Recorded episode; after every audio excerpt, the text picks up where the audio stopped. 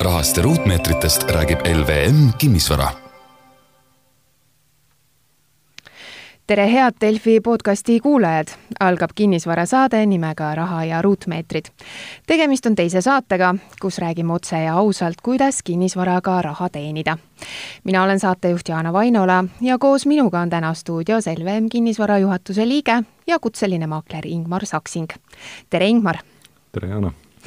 Proovime siis teile kaks korda kuus tuua ülevaate, mis kinnisvaras toimub. raha ja ruutmeetrid saates rääkisime üürimisest eelmisel korral, aga kuna see teema on niivõrd mahukas, siis me jätkame üüriteemaga ja proovime ka täna saate eh, kuulajate küsimusele vastuseid leida, sellepärast et meie postkasti on tulnud juba kolm küsimust. kui nüüd rääkida üüriturust eh, laiemalt, siis mitu üürilepingut aastas üldse sõlmitakse? No küsimus on hea, nagu klassikud ütlevad, et siis palun järgmine aga seda riiklikku statistikat või, või, või ka sellist äh, läbipaistvat statistikat tegelikult ju ütleme, üüri, üürituru kohta ei ole. et äh, erinevalt siis äh, kinnisvaratehingutest, mille kohta statistikat peab siis esitama iga notar riigile, see nii-öelda siis pannakse kõik, kõik ühiselt kokku, tehinguhinnad Eh, tehingud, eh, osapooled, kas tegemist on residentidega, mitteresidentidega, siis eh, üürituru puhul sellist nagu tsentraalset registrit, tsentraalset toimimist ei ole, lubatud on nii suulised kui kirjalikud üürikokkulepped,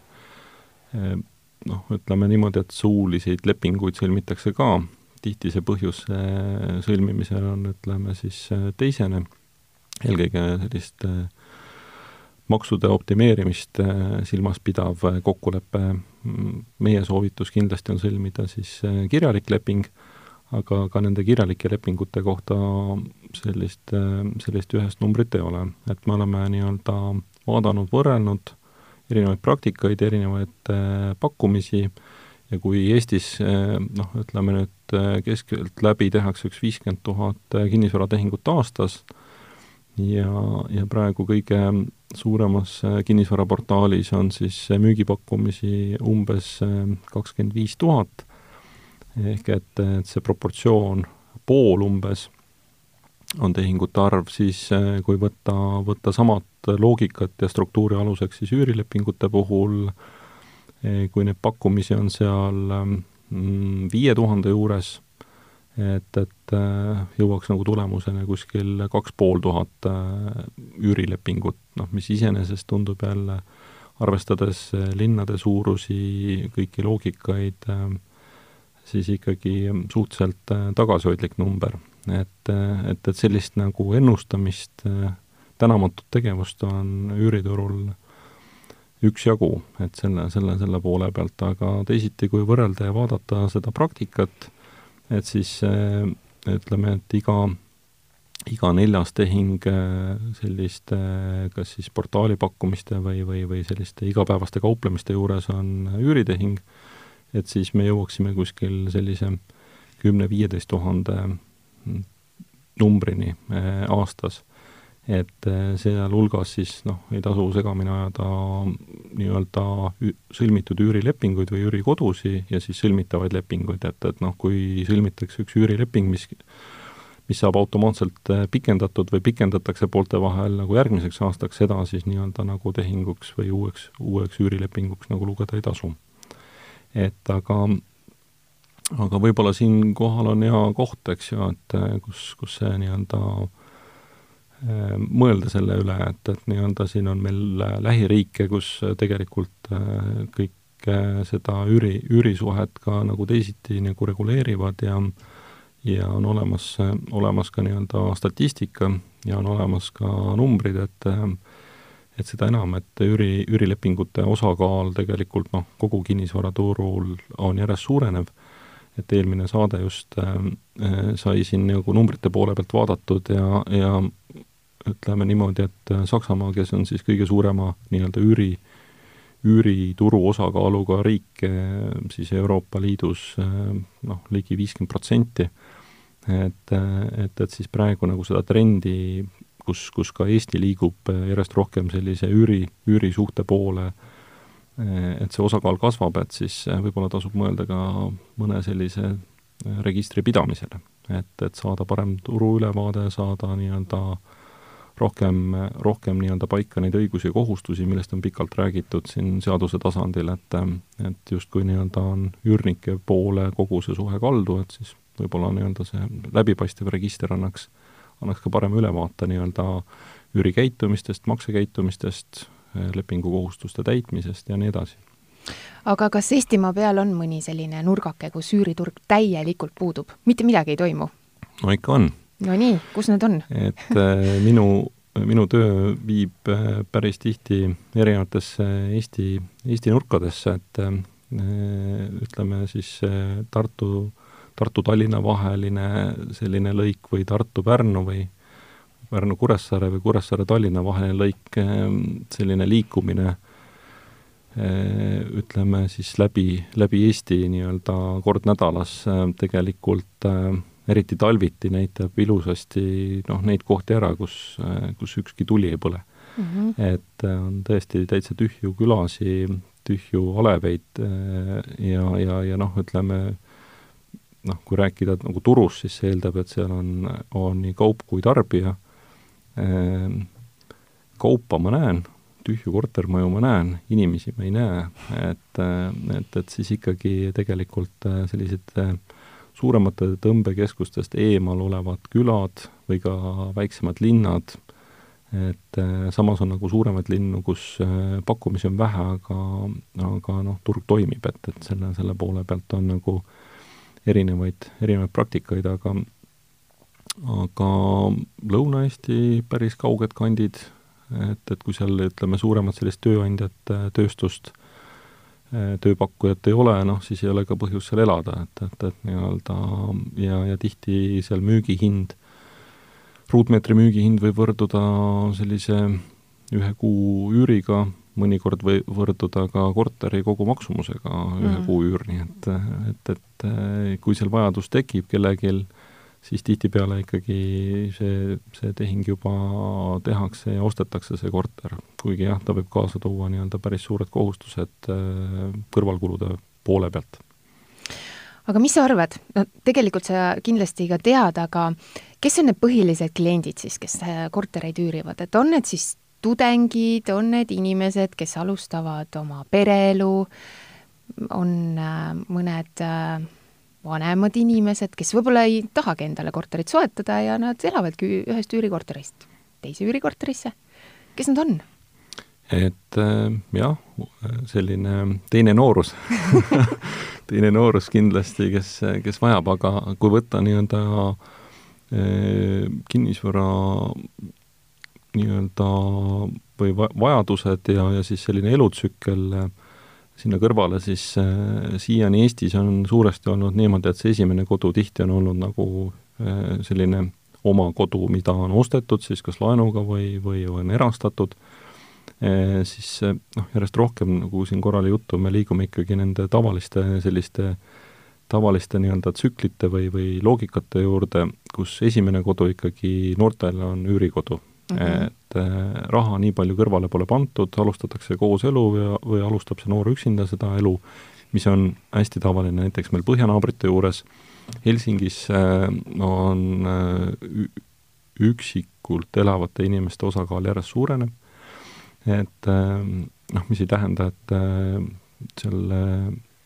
sotsialiseerumist või, või sellist ühiselu ei toimu, aga, aga noh, korterit kasutatakse üksinda, siis, siis esimene kodu on üürikodu, teine reeglina nii-öelda selle tsükli loogikast tulenevalt on siis äh, väiksem omakodu, mis ostetakse pärast üürikodu, äh, siis äh, sünnivad lapsed, perekond suureneb, vajatakse suuremat kodu, lapsed lähevad koolidesse, ülikoolidesse, laia maailma, vajatakse väiksemat kodu. Ja, ja, ja noh, ütleme see viimane viimane etapp ka selles nii-öelda tsüklis tegelikult on noh, ütleme veel mitte nii hea kõlaga eh, mudel, aga, aga nagu me teame, järjest rohkem populaarsust kogunev või koguv vanadekodu mudel. et mm. see ei tähenda tegelikult ju seda, et et, et keegi on kuskil voodis noh, piltlikult aheldatud oma, oma kodu, et inimesed on vanemad, võib-olla elatakse juba üksinda, teist poolt ei ole või, või, või enam ei ole. Ja, ja, ja noh, ütleme, seda abi vajatakse, et, et noh, seal on erineva taseme pealt äh, on neid äh, teenuseid pakkumas äh, just noh, ütleme naaberriikides, siin ma mõtlen nii-öelda Soome, Rootsi, Taani, Norra nii-öelda mudel, eks ju, kus, kus vanadekodu on pigem selline hea, hea nii-öelda tasemel hotell, kus,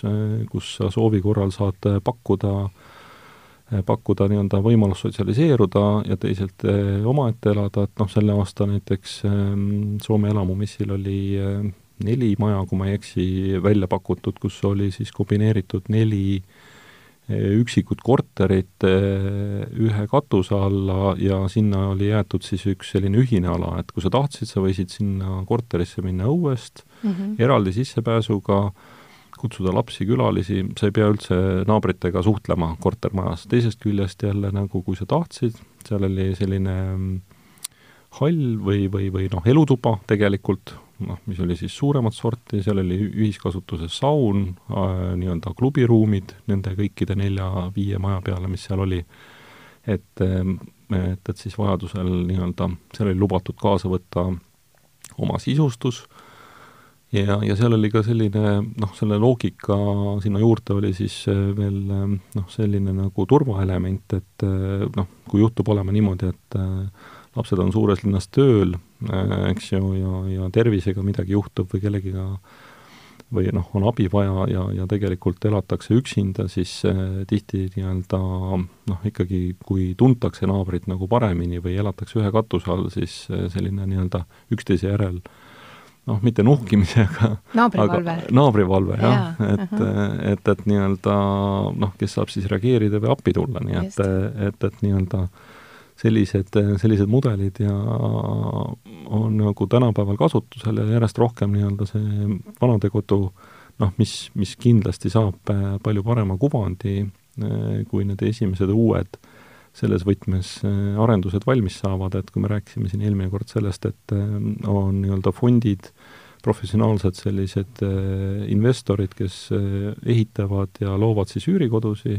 noh, sinna kõrvale on tekkimas ka tegelikult teine grupp, kes loovad ja, ja, ja, ja noh, ütleme siis ehitavad tegelikult vanadekodusi. aga meil veel sellist asja ei ole, eks ju, meil niisuguseid arendusi? täna veel ei ole, aga aga võiks ma, juba tulla? ei, noh, tegelikult ütleme siin järgmine, ülejärgmine aasta noh, on ähm, meie teada need asjad valmimas, nii et, et nii-öelda mm. nad ei ole,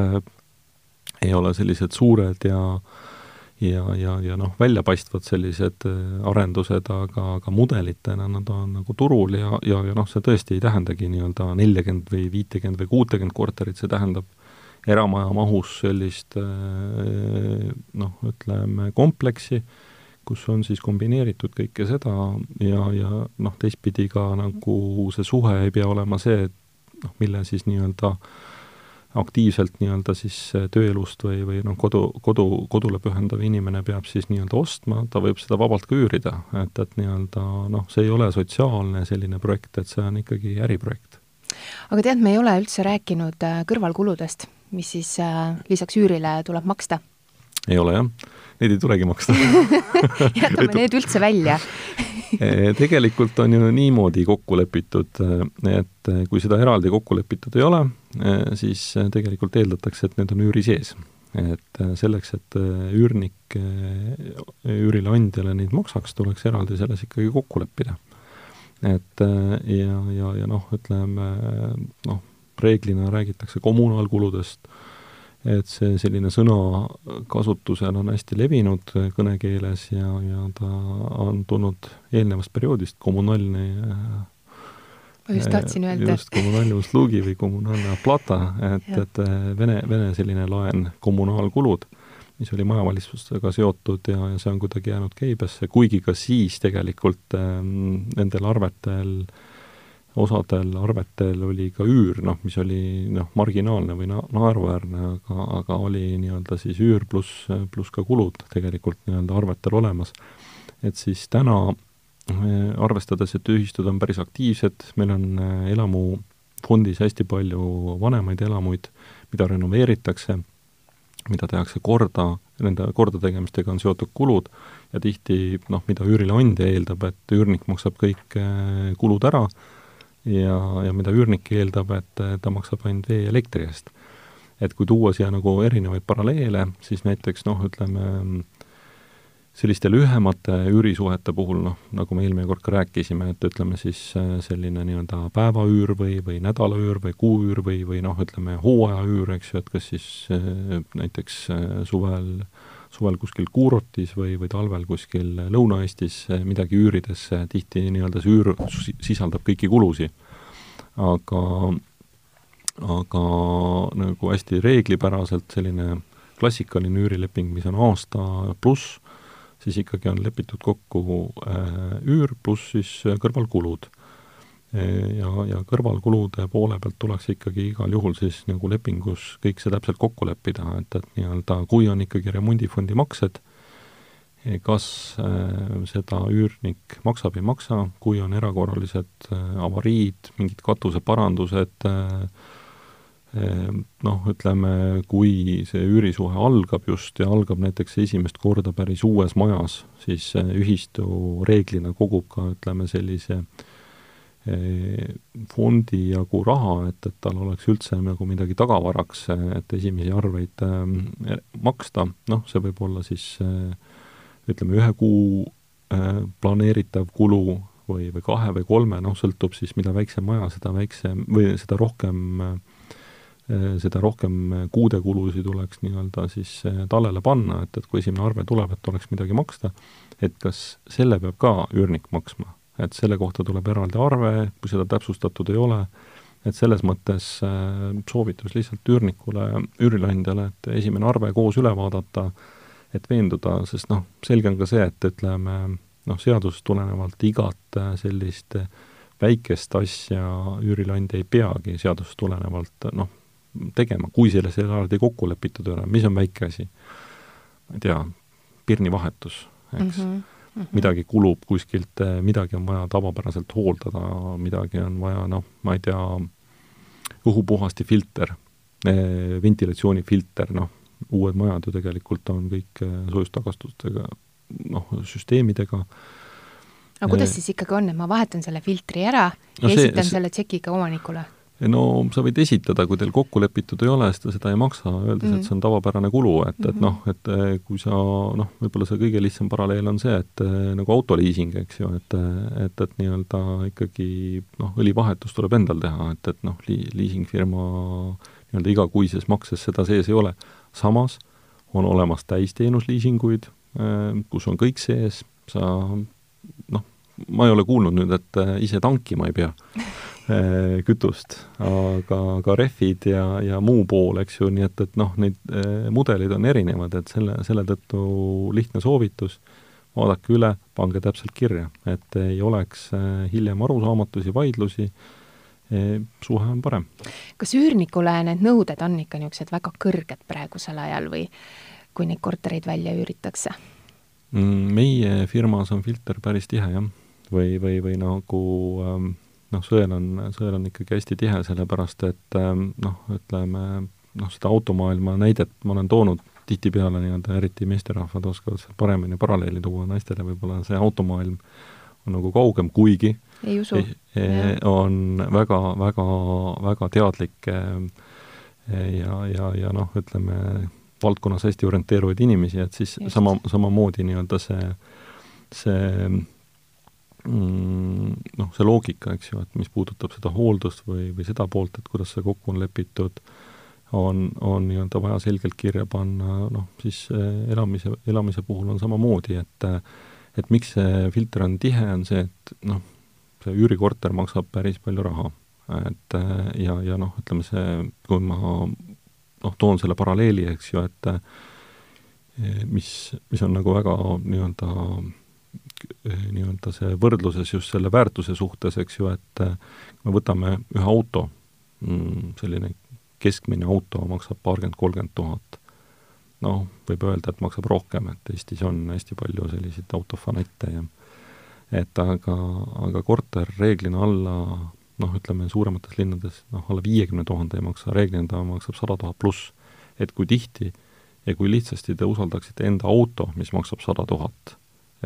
või, või selle auto võtmed kellelegi, uurimata, millised on tema sõiduharjumused, kas ta on avariisi teinud, eh, kuidas on tal lood liiklustrahvidega, eh, muu, muu taustaga, et, et nii-öelda minu arust see tavaliselt on selline hea paralleel, mida tuua, et et inimesed saavad aru, mis tähendab noh, vastutus teise asja eest ja, ja, ja siin nii-öelda arvestades teistpidi jälle, et see nõudlus on piisav, siis tegelikult noh, meie ülesanne ongi ju ütleme, üürileandjale leida parim lahendus. meil on ka teistpidi mm. suhteid, kus me otsime nagu üürnikele kortereid ja, ja, ja siis loomulikult on meil teised rollid täita, nii et äh, sõltub äh, kes meid parasjagu esindama on palganud, eh, mis poolt me esindame, et, et, et, et selles mõttes ei ole selline nagu vahekohtunik, et ikkagi konkreetselt esindame üht või teist poolt, et et, et nii-öelda üürnikele me oleme otsinud, noh, siin eriti nagu ettevõtted näiteks, kes vajavad ma ei mõtle nüüd tööjõu vahendusfirmasi või töörendi, tööjõu rendifirmasi, aga, aga noh, ütleme näiteks ettevõtted, kes tuleb projekti raames näiteks Eestisse siin äh, mõnda suuremat, suuremat tehast või, või jaama ehitama, noh siis eh, tihti vajatakse aastaks-pooleteistkümneks eh, pinda ja, ja, ja noh, ütleme siis seesama, et, et kas see korter kuulub näiteks üürileandjale, kas tal on võlgnevus ühistu ees, sest ega noh, kui, kui nüüd ütleme ikkagi eh, eelnevalt on asjad maksmata, hiljem näiteks üürnik need tasub, aga vee või elektri tarbimine ei ole võimalik selle tõttu, et äh, arved on eelnevatel perioodidel maksmata, siis ähm, noh, ütleme, kindlasti vaadatakse meile otsa, et me teeme seda, seda back'i teeme sarnaselt ikkagi või seda tausta kontrollime sarnaselt ikkagi sellise võlasuhte loogikale, et, et noh, tänapäeval on äh, palju häid infosüsteeme, Google ei ole infosüsteem, et, et sealt võib leida nii ja naapidi, seda infot on võimalik, äh, nagu me siin eelmine kord ka rääkisime, Äh, kujundada, manipuleerida sellega, lisada sotsiaalmeediakontosi sobivaid,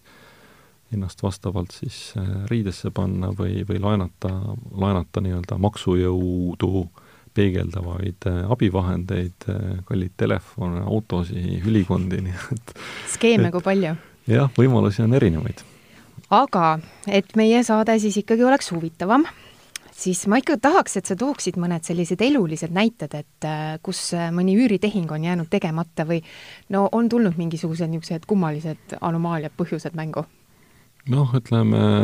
ega see maailm on äh, natukene sellise hallide varjunditega, et päris mustvalge ta ei ole, et, et, et, et sellist värvikat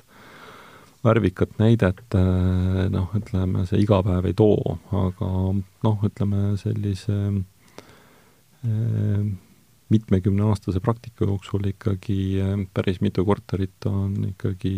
eelnevate üürnike poolt tühjaks varastatud. Kogu sisustusest, on ju, on isegi kuulutused portaalides, kui on seda vara müüdud, on lahkutud, eks ju, ja, ja, ja noh, ütleme, kui üüri, eelnevad üürileandjad nii-öelda sellest nagu on teada andnud või, või noh, tänapäeval see sotsiaalmeedias tehakse seda päris tihti, siis selle üürniku taust eelkõige, sest noh, see suhe on, kuigi noh, loetakse üürnikut nagu nõrgemaks pooleks seadusandja poole pealt vaadatuna ja, ja noh, et siis tegelikult noh, me, me näeme nagu ikkagi seda olukorda vastupidi, et omanikul on suhteliselt vähe hiljem neid hoobasid, millega seda suhet nagu siis äh, seaduslikult nagu eh, reguleerida, et, et nii-öelda, et see, see kõige parem hoob on ikkagi selline korralik taust, eks. et eh, kui sellised viited eh, on erinevates nii-öelda gruppides leitavad, noh, see, see, see on nagu see pool, eks ju. aga see, et tullakse võõra inimese nii-öelda dokumendiga, noh, seda on päris tihti juhtunud, eks ju, et, et nii-öelda ja nüüd äh, välismaalaste puhul, eks ju, või mitteresidentide puhul ähm, üürilepingut sõlmides tuleks siis ju üle kontrollida ta elamis- ja tööluba. Siinses riigis, kaua see kehtib, et see suhe ei saa olla pikem kui, kui see, mis on seal dokumendis kirjas, noh, võõrkeelsed dokumendid, ähm, ma ei tea, kas sa näiteks Hiina kodaniku isikut tõendav dokument oled näinud? ei ole näinud, ma ei oskaks sealt midagi välja lugeda, ma arvan. et, et, et selle, selle, selle poole pealt on, on, on neid nagu suhteid on erinevaid, et et aga, aga, aga on ka olukordi, kus ähm, on vastupidi olnud, eks ju, et üürisuhe on alustatud ja, ja, ja noh, ütleme siis eh, näiteks üürileandja eksabikaasa eh, omab võtit ja mm, arvab, et ta võib seal korteris elada eh,. ja ta võib ka sinna öösel kell kolm siseneda. et, et, et nagu kui eh, noh, korraliku üürniku pere koos lastega magab et, et selliseid, selliseid kriminaalseid äh, kaasusi noh, ütleme, noh, iseenesest vargus on ka nii-öelda ikkagi kuritegu, et aga sellist nagu vägivalda või, või sellist äh, noh, füüsilist sellist äh, kaasust õnneks meil ei ole nagu olnud, et, et, et kuigi ma olen kuulnud, et siin üürisuhteid on või noh, üürilepinguid on alustatud ja lõpetatud ka ikkagi nagu füüsiliselt, et et, et selle, selle poole pealt on, maailm on kirju. et meil on ta natuke rohkem mustvalgem või, või halli, halli ka seal sees, et aga sellist äh, punast ja kollast ja sinist värvi nagu ei ole olnud, et no ma ise olen näinud ühte sellist üürikorterit, kus isegi pistikupesad olid seina küljest lahti kruvitud ja ära viidud täitsa lagedaks oli kõik tehtud. jaa, ja mina, mina ei saanud aru, mida teha nii-öelda kasutatud WC-potiga, mis oli, mis, mis noh, oli noh, mitte kõige uuemas korteris, et me noh, võib-olla ta läks siis katkis ja võeti kaasa või aga noh, hästi tavalised on sellised juhtumid, on ju noh, millega me oleme kokku puutunud, eks ju, et kus, kus korter on üürile antud, kokku on lepitud näiteks selle korteri parendamine see korter on enam-vähem olnud sellises äh, täitsa elatavas korras, okei okay, jah, võib-olla kulunud, võib-olla tahab tapeeti, värvi, võib-olla ka uut äh, siseust, aga noh, ta on olnud äh, kasutatav. Ja, ja see pilt, mis siis nii-öelda pärast aastast-kahest või kolmest sellist kasutust sealt on avanenud, eks ju, et kus on tõesti nii-öelda kõik vahesõida maha võetud, elektrit ei ole, ühendus on tõesti ainult tualettpott keset suurt ruumi teises nurgas on siis madrats ja, ja, ja kolmandas on siis pliit, et sisuliselt on selle korteri väärtusest noh, ütleme, kui mitte pool, siis siis vähemalt niisugune kolmandik haihtunud, seda enam, et seda ei ole võimalik üürile anda, seda enam, et tulu ei ole ka saadud, kuna kokkulepe on sõlmitud selles osas, et noh, see korter peaks siis pärast üürilepingu lõppemist või, või, või noh, siis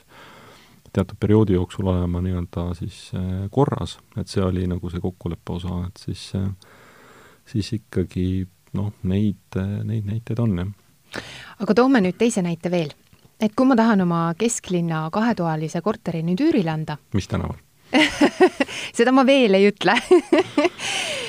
Et kuidas siis mul lihtsam on, et noh, panen ise selle kuulutuse kuhugi portaali ülesse, otsin mingid turvalised filtrid hakkan kontrollima üürniku tausta või tegelikult oleks mul ikkagi lihtsam, et ma annan selle maakleri kätte ja, ja mul jäävad pooled jamad ära? Noh, nii ja naa. et äh, sõltub, kui, ähm, kui palju sa seda nii-öelda äri tegemas oled. et äh, iseenesest on ju äh, keegi meist ei ole sündinud ju ähm, ühe või teise töö tegemiseks ja jah, kellelegi on millegi osas nagu paremad eeldused, mis puudutab kunsti või muusikat või või, või mingit muud tegevust, et, et, et selle, selle poole pealt mina ei ütle, et igal juhul peaks kõike tegema maakleri vahendusel, et, et kui ollakse ikkagi igal juhul nii-öelda ise nii-öelda selles valdkonnas orienteeruv noh, kas siis ettevõte või kodanik, eks ju, et noh, reeglina juba siis ettevõte et, et siis, siis ollakse ju alustanud äritegevusega, et tõesti, kui nüüd on üks korter vaja üürile anda, siis pigem ma soovitaks, soovitaks nii-öelda maaklerit kasutada. Et aga noh, see teine pool on ka see, et noh, need läbirääkimised, need näitamised, need taustakontrollid, see kõik on nagu aeg, eks ju. Et sõltub, kui palju kellelgi millegi jaoks aega on. ma ei taha öelda, et maaklerteenus on puhtalt mugavusteenus, et meil on rohkem infot noh, eriti eelnevate suhete kohta, aga samas saab üürileandja ka ise küsida seda, seda infot nii-öelda eelmise, eelmisest kohast, on ju, noh, kui ta oskab lugeda neid märke, mis teevad teda ärevaks eelnevalt, et noh, ma ei tea, kas üürilepingut tahetakse väga kiiresti sõlmida, juba täna tahetakse võtmeid seal kätte saada ja raha on kõik olemas, eks ju, et, et nagu noh, tänapäeval enam ei ole nagu väga palju neid kaasusi olnud, aga siin kui just e e eel, eelnevalt rääkisime, et mis olukorrad on olnud, et ega noh, siin viimati jälle meediast käis ka läbi, et ikkagi konkreetselt oli kas inimkaubandus või bordell seal korteris, eks ju, et mm, -hmm. et, et nagu noh, et, et siis, siis kogu see pool nii-öelda ikkagi noh, see infost eh, on nagu olemas, et, et nii-öelda kui minna nüüd eh, noh, ütleme seda kuulutust eh, üles paneme, teine pool on need suhted nagu tuttavatega, et tuttavatega sa eeldad paljusid asju, ei julge võib-olla kõike küsida, soovimata teda solvata, et kui ta on ikka tuttav tuttav, kuidas ma küsin, et ku-, et kus sa töötad, et et või et et kas sul ikka raha on, et mulle maksta, on ju? jah, otse, otse küsimus on see jah, et kus sa seda, mhm. kuidas, kus sa seda raha teenid, eks ju, et et noh, üks on jah, see maksekäitumise pool, teine on ikkagi inimesed eri, väga erinevalt elavad ja kasutavad neid asju, et, et nii-öelda et tihti, tihti ikkagi nii-öelda noh, soovitus võib olla, aga samas see soovitus võib olla ka sellele soovitajale pärast väga nii-öelda noh, bumerangi efektina tagasi tuleb, et kuule, et sa siin soovitasid seda Tõnut või Kallet või või Tiinat või et aga noh, tegelikult ju vaata, mis mu korteriga nüüd sai. et, et, et selle, mhm. selles mõttes noh, eks see, kuidas see ütelus on, et tahad sõbrast lahti saada, siis laena talle raha et, et selle, selle poole pealt, et siin on seesama niisugune võlasuhe, eks ju, ja, ja, ja inimesed on väga erineva tundlikkusega enda vara suhtes, eriti kui on see olnud enda kodu, noh, enda kodu väljaüürimine on ikkagi paljudele väga keeruline, et, et nagu noh,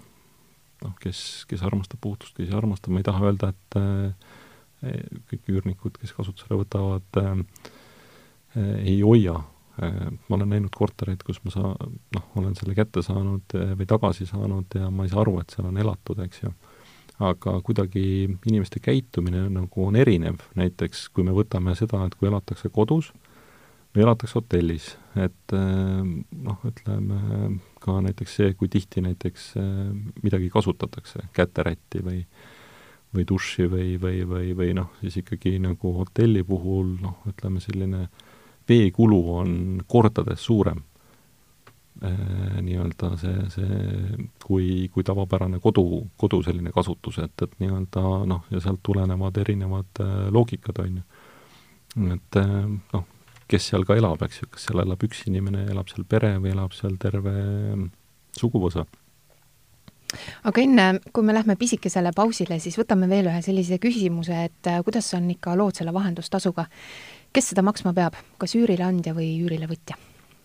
äh,? Väga lihtne vastus, maksma peab üürileandja, tulenevalt äh,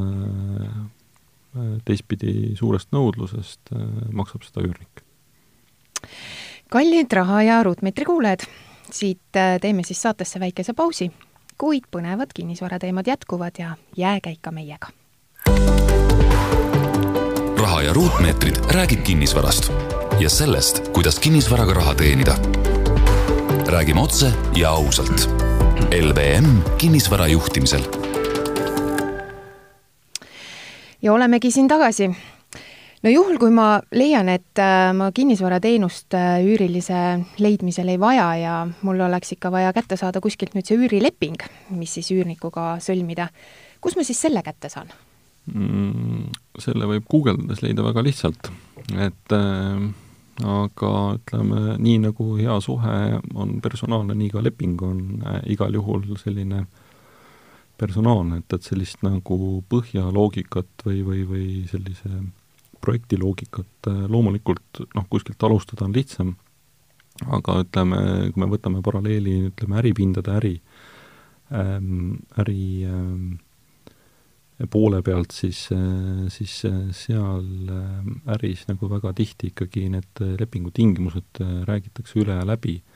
Noh, eriti kui suhted on pikaajalised, et, et noh, loomulikult kui on tegemist sellise nädalase või, või kuuajalise suhtega, siis siis makstakse see üür reeglina ette koos, koos manklertasu ja deposiidiga, kui deposiiti kasutatakse, või, või ähm, muud tagatist, eks ju, garantiikirju võib ka kasutada ütleme, üüri, üürisuhte puhul, et, et nagu üürnik esitabki siis tööandja või või, või pangagarantii, et, et noh, sõltub ju mm, lepingust ja summadest. Et siis äh, ütleme, üüri, üüriäris ähm, noh, meie soovitus on ka kindlasti, et ikkagi personaalselt see leping äh, nii-öelda läbi rääkida või, või, või noh, konkreetselt detailides läbi rääkida, et kõikides suuremates kinnisvaraportaalides, kõikides üürivahendusportaalides äh, on, on need põhjad nagu leitavad ja olemas, aga, aga noh, see on täpselt see, et millist tööd selle tööriistaga teha saab, et, et nii-öelda võib ju, ähm, võib ju maja ka põhimõtteliselt äh, kirvega valmis ehitada, et minna metsa ja tahuda ja teha ja niimoodi ma olen kuulnud, et on päris mitu maja ammustel aegadel valmis saanud, et äh, ühte tööriista kasutades äh, on võimalik kõik see nagu teha. aga mis punktid seal lepingus kindlasti peavad sees olema? maksekuupäev? jah, ütleme tegelikult, tegelikult kindlasti tuleks alustada pooltest mm, -hmm. eks, et äh, kes on selle suhte pooled, et, et nagu üürileandja, on ta siis eraisik või, või ettevõte, kes on see üürileandja, teine pool siis ütleme see mm, üürniku staatus, kes on see üürile võtja, kindlasti tuleks äh, seal lepingus kirja panna kõik äh, isikud tegelikult äh,, kes seda kasutama hakkavad, sest ühel hetkel noh, kuna seadus võimaldab üürnikul samas, sama, sama nagu elamispinda kasutada ka nii-öelda lastel või, või vanematel, eks ju, ilma et, et selles eelnevalt kokku lepitakse, siis on perekondi, mis on väga suured ja, ja kahetoalises korteris elama tavapäraselt ei mahu, aga, aga noh, kahetoalises korteris ma olen näinud ka üürikorteris kaheksateist inimest. Et, et see on nagu võimalik, et, et nii-öelda kui mõelda sellisele laagrile ja, ja, ja narid pandud seina äärde? noh, odavam on ikkagi eh, põrandat katta mm. Eh, erinevate madratsite ja tekkidega, kus saab siis, eh, kus saab siis nagu elada, et et, et selle poole pealt ju inimene vajab und ja et, et saab väga, väga tagasihoidlikult hakkama, nii et, et noh, ütleme need pooled kindlasti kirja panna ja mõlemal, noh, mõlemal juhul ära siis kontrollida niipidi üürniku kui üürileandja taust, et siis objekti kirjeldus mm, -hmm. et äh, reeglina me üüri, üürilepingute juurde ei lisa nagu äh, kirjeldus sellest objektist sõnalises, vaid äh, pildilises, oleme ka kasutanud äh, videoformaati äh,, mis siis digiallkirjastatakse. Et äh, noh, ütleme, ennem oli just juttu praktikas, äh, praktikas nii-öelda olnud lugusid, eks ju, et see nüüd äh, must diivan, mis meil praktikas käibel on, et, et see must diivan võib olla toodud Itaaliast ja maksta kolmkümmend, nelikümmend tuhat, noh, reeglina üürikorterites muidugi nii kalleid diivaneid ei ole, aga, aga mõnedes poole, poole soodsamaid ikkagi leidub ja kui see on vahetatud hiljem äh, Äh, nii-öelda mõnest, mõnest nii-öelda juba päevi näinud möö-, noh, mööblipoest, äh, mis kasutatakse siin nii-öelda järel, järelturul tihti nii-öelda üüritakse kortereid ja müüakse seda mööblit, mis maksab võib-olla mõnikümmend eurot diivani vastu. kes see vahetas, üürnik vahetas üürnik. ära või? ohoh et äh, siis on sul nagu hiljem väga raske tõestada, et see must diivan oli seesama must diivan mm, -hmm. mis lepingus on. No. siis tuleb pilt teha kallist diivanist? Äh, ka odavast diivanist tasub pildi teha okay., sest ega see kass või koer, kes seal ähm, noh, võib-olla on pidanud seda enda pesaks, on ju, on sellele nahale jäädavalt äh, selliseid märkeid teinud, mida noh, mida võib-olla üürileandja pärast hiljem noh, ei soovi tarbida, eks ju, et, et noh, ütleme selline äh, teise ringi diivan osta sealt mõnekümne euroga või, või noh, gruppidest annan ära, leia mm, -hmm, leiab mm -hmm. igasugust kaupa, et, et, et noh, seda, seda väljavahetamist nagu et lihtsalt vahetatakse mööbel välja? jah, lihtne okay.. et, et, et selles mõttes fotod, noh, ütleme see, selle objekti nii-öelda seisukorra fikseerimine ei ole ainult vesi, elekter, küttemõõdikud mm, -hmm. gaasimõõdikud, see on ikkagi ka pildid no, juurde? Fotod jah ja., see on nagu miinimum tegelikult ja ka nagu selles mõttes, et äh, tihti, tihti küsitakse, et noh, miks need kapiuksed lahti on seal fotodel, eks ju, et sellepärast, et äh, ikkagi kui on üle antud äh, noad, lusikad, kahvlid, eks ju, et oleks näha, seda ei jõua lihtsalt keegi kirja panna, et mm -hmm. ühte korterisse noh, äh, sadade või tuhandete selliste nimekirjadena nii-öelda seda, seda nagu lisada, noh, see on, esiteks on töömahukas ja teiseks musta diivani näide, eks ju, et, et nagu noh, on ju, on ju noh, koopiaid asjadest, originaalidest, et, et noh, me teame, et siin disain, disainimaailmas on väga sarnaseid äh, toole Äh, originaal versus äh, replika, eks ju, et, et nii-öelda kõike saab vahetada. aga kui ma nüüd annan selle korteri üürile, kas ma peaksin eelnevalt tegema mingi sanitaarremondi ka, et kui tuleksid üürnikud sisse või no eks ta oleneb seisukorrast, eks ole? Äh, kindlasti uue korteri puhul ma ei soovita et aga järjest vähem on nagu neid suhteid, kus on, kus on siis nii-öelda tühju korterid üürile antud. Et, et hästi palju ikkagi eeldatakse, nii nagu me siin ka eelnevalt jutuks on olnud, et see on ikka selline kliendi ja kliendi ja, ja klienditeenindaja vaheline suhe, hea selline üürisuhe, et, et üks müüb seda teenust ja teine ostab seda teenust, et see, see, see nagu pool, eks ju, et aga, aga kui on selline kuuskümmend pluss aastast, seal kuuskümmend kaheksa või seitsekümmend kaks valminud esialgne korter, et noh, kui ta on õiges piirkonnas ja leiab õige kliendi, siis äh, vintage on ju in mm. -hmm, aga mm, -hmm. aga, aga sellist, äh, sellist äh, torenduslikku sellist investeeringut ma ei soovitaks teha, noh, selles mõttes, et noh, esiteks, kui ta on tehtud kiiresti, noh, ütleme selle eesmärgiga, et ta noh, annaks seda tulemust, on ju, siis tegelikult see suhe, üürisuhe on palju pikemaajalisem suhe kui ostu-müügisuhe, eks. et, et äh, see kõik see ehitusmaterjalide pool, mida tihti kasutatakse kiiresti ehitamiseks, kips, kruvi ja makroflex, et äh, see nagu ei, ei kesta, et, et selles mõttes, et siis võib-olla mõelda, kas see on nagu hea toode äh, üldse nii-öelda turule toomiseks, ka, ka nii-öelda üürile andmiseks, et et või, või siis teha diil selline, kus üürnik selle parenduse teeb, noh, kõiki neid eelnevaid hoiatusi silmas pidades, et mm, -hmm. et mhm. nii-öelda selle saab ju lepingusse kirja panna ja ja kui sellel on nagu arusaadav põhjus, miks üürnik on valmis seda tegema, why not? aga no mängime läbi, et korter on nüüd üürile andnud, antud ja ikkagi üürnikuga tekkis siin probleem, noh, ma ei tea, ta ei maksnud ikka korralikult või siis ta viiski mu musta diivani sealt äh, nüüd minema. aga eelnevalt ma olin selle lepingu LVM-iga siin teinud. no hmm. mis te siis teete, kuidas te aitate mind? noh, tegelikult ähm, see üüri, üürisuhe ju äh, ei ole noh, ütleme selline ühe päeva, ühetunnine suhe, et äh, reeglina noh, need asjad ei juhtu kohe. et me kindlasti soovitame tagatisraha kasutada Äh, mis, mis annab mingi teatud kindluse, kui on nii-öelda siis kas tööandja või, või panga poole pealt äh, äh, midagi täiendavalt lisatud, eks ju, selline korrektne leping sõlmitud, leping on iseenesest nagu vahva, aga ükski leping, kui seda ei taheta täita, ei aita üht või teist poolt, et et tegelikult olukorda tuleb hakata ennetavalt reageerima, et kui ikkagi üürnik on päeva päevamaksega viibinud ja seda noh, ei ole nii-öelda noh, nagu tähele pandud või talle nii-öelda teatavaks tehtud, et see ei ole okei okay,, noh, siis sellest kujuneb uus normaalsus.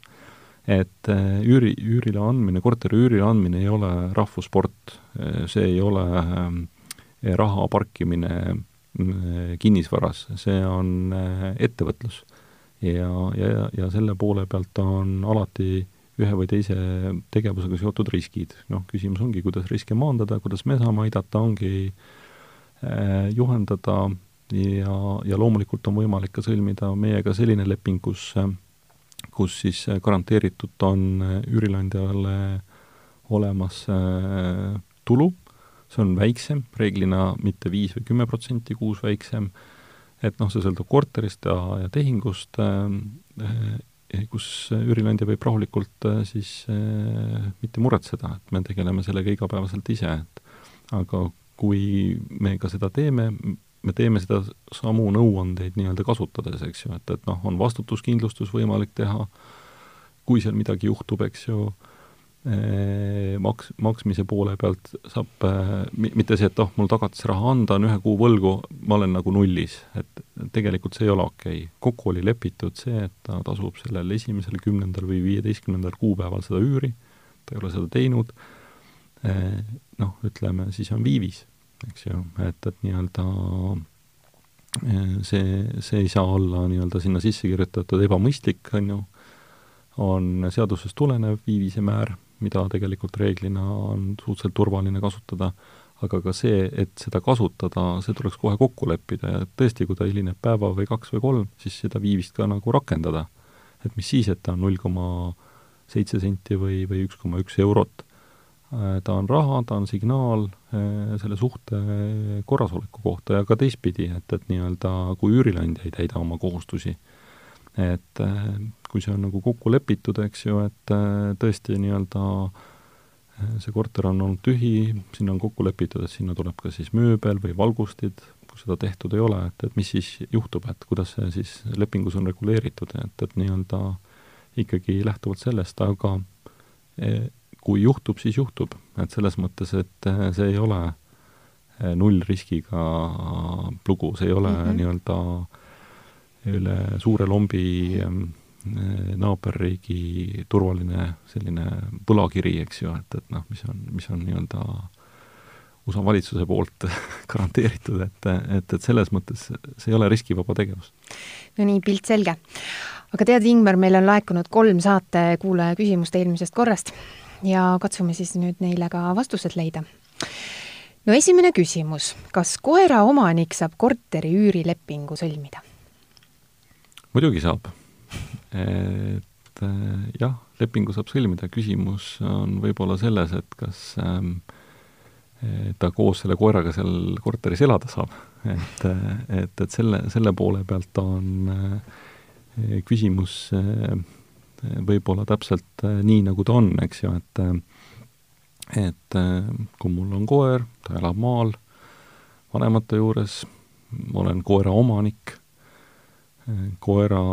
koera omaniku puhul kehtivad üldiselt selliselt asjale kohaldatavad põhimõtted, eks ju, et kui koer põhjustab näiteks autoavarii, siis koera omanik peab vastutama selle eest, et et, et nii-öelda lepingu saab kindlasti sõlmida, kui küsida, küsimusele vastata ei jah, kui mõeldud on seda, et siis äh, kas, äh, kas äh, saab sõlmida lepingu selliselt, et ka koer selles korteris või majas elab, see on eraldi kokkuleppe küsimus. Aga nii ei ole, et ma pean minema ja küsima naabrite käest luba, et teate, mul on nüüd koer ja ma tulen siia korterisse elama, et olete sellega nõus? Sõltub tegelikult ühistu kodukorrast et mm -hmm. see tasuks ka nagu üle läbi lugeda, et äh, meil on vähem, aga, aga näiteks äh, Vana-Euroopa riikides on hästi palju ühistud reguleerinud neid tegevusi, isegi noh, ütleme, kui ma Rootsit siin paralleeliks toon, isegi kardinad, kas kardinaid kasutatakse või mitte, et seal ühiskonnas on hästi ebatavaline, kui akende ees on kardinad. mis seal ees on siis? ei olegi kardinaid et, äh, et, et nii-öelda sinna, äh, et see on nagu Rootsis üsna, üsna selline kahtlane, kui seal on kardinad äh, korteril või majal ees. ja siis vaatan, mis naabrimees teeb seal õhtul. Avatud ühiskond. Avatud ühiskond, et meile võõras, aga, aga näiteks USA-s suuremates ja kallimates kortermajades otsustab jah, ühistu, kas, kas see üürnik sinna tuleb või ei tule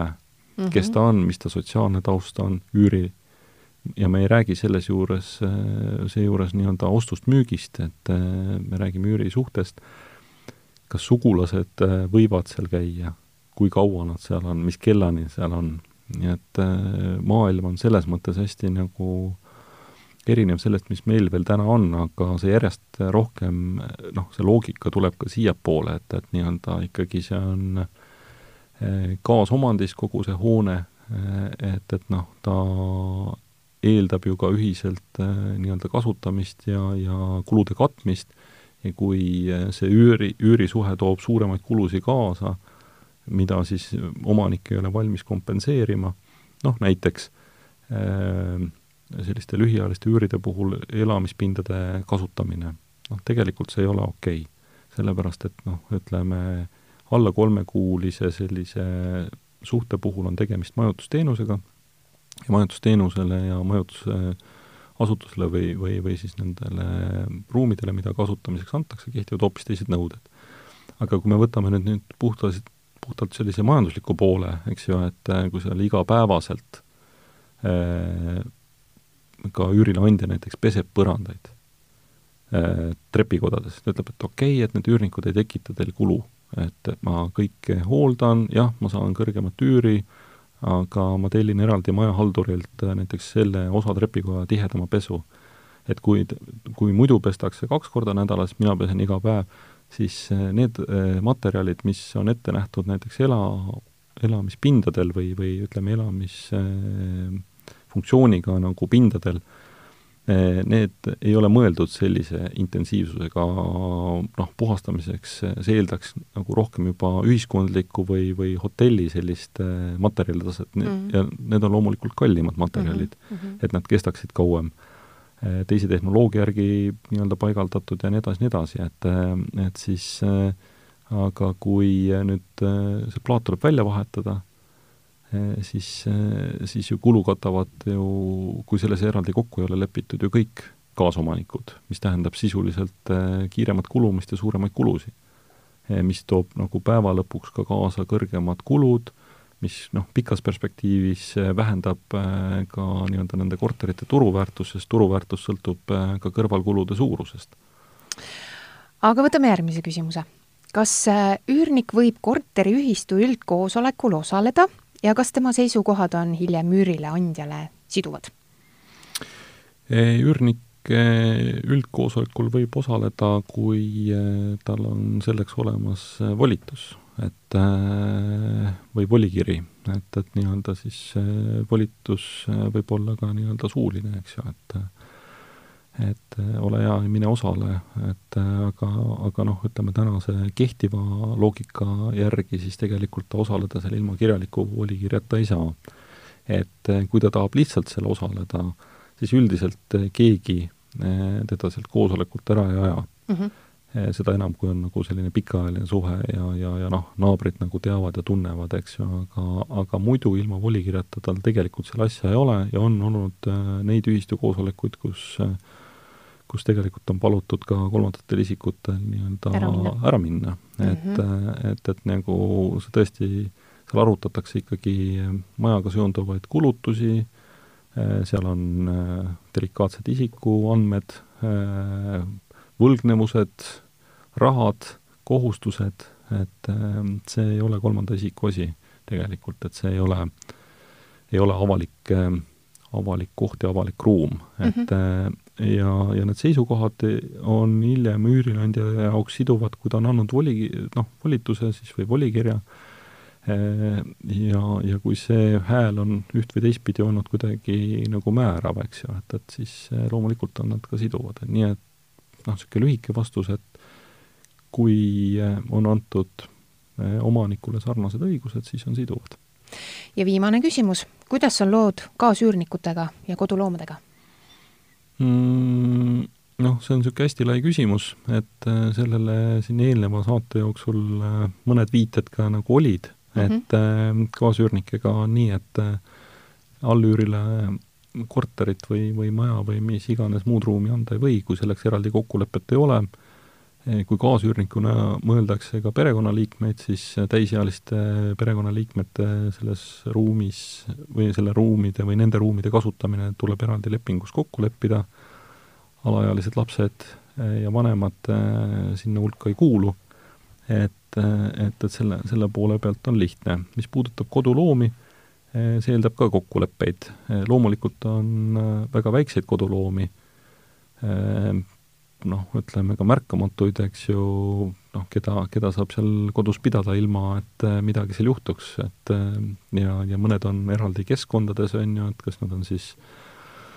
akvaariumites või terraariumites või eh, noh, nad ei liigu seal mhm. korteris mm -hmm. ringi, eks ju, aga meie selge soovitus on igal juhul rääkida kõik läbi, et mm -hmm. kui ikkagi näiteks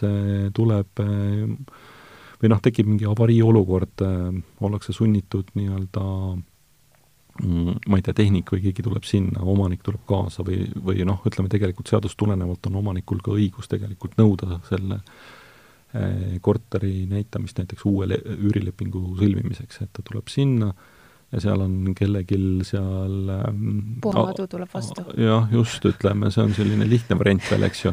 aga kui sealt eh, tuleb eh, selline kodune siga nii-öelda vastu, siis, siis noh, see ei ole ootuspärane, eks ju, et, et noh, või, või, või, või noh, ütleme, kellel mis, keegi, kellelgi meeldivad hirmsasti ämblikud, mõni neid jälle kardab, nii et, et noh, mhm. ütleme, lihtne soovitus on ikkagi see, et et see tuleks nagu eraldi kirja panna, läbi rääkida, kokku leppida ja, ja, ja koduloomad automaatselt ei ole üürilepinguga kuidagi seotud ja tuletan teile podcasti kuulajad meelde, et kui teil tekib kinnisvara puudutavaid küsimusi, probleeme, siis alati on võimalik pöörduda LVM kinnisvara poole selline saigi tänane teine kinnisvarasaade, kus rääkisime ja ka analüüsisime, mis siis jätkuvalt üürimaailmas toimub. koos minuga oli LVM kinnisvara juhatuse liige ja kutseline maakler Ingmar Saksing. ma tänan sind, Ingmar ja kui teil, kallid kuulajad, tekkisid ka täna uued küsimused, millest me siin ei rääkinud, siis ikka julgelt kirjutage meile lvm.delfi.ee. pange oma küsimused teele ja juba järgmises saates proovime neile ka ausalt ja otseseid vastuseid anda. mina olen saatejuht Jaana Vainola, aitäh, et kuulasite ja uute kohtumisteni! rahast ja ruutmeetritest räägib LVM Kinnisvara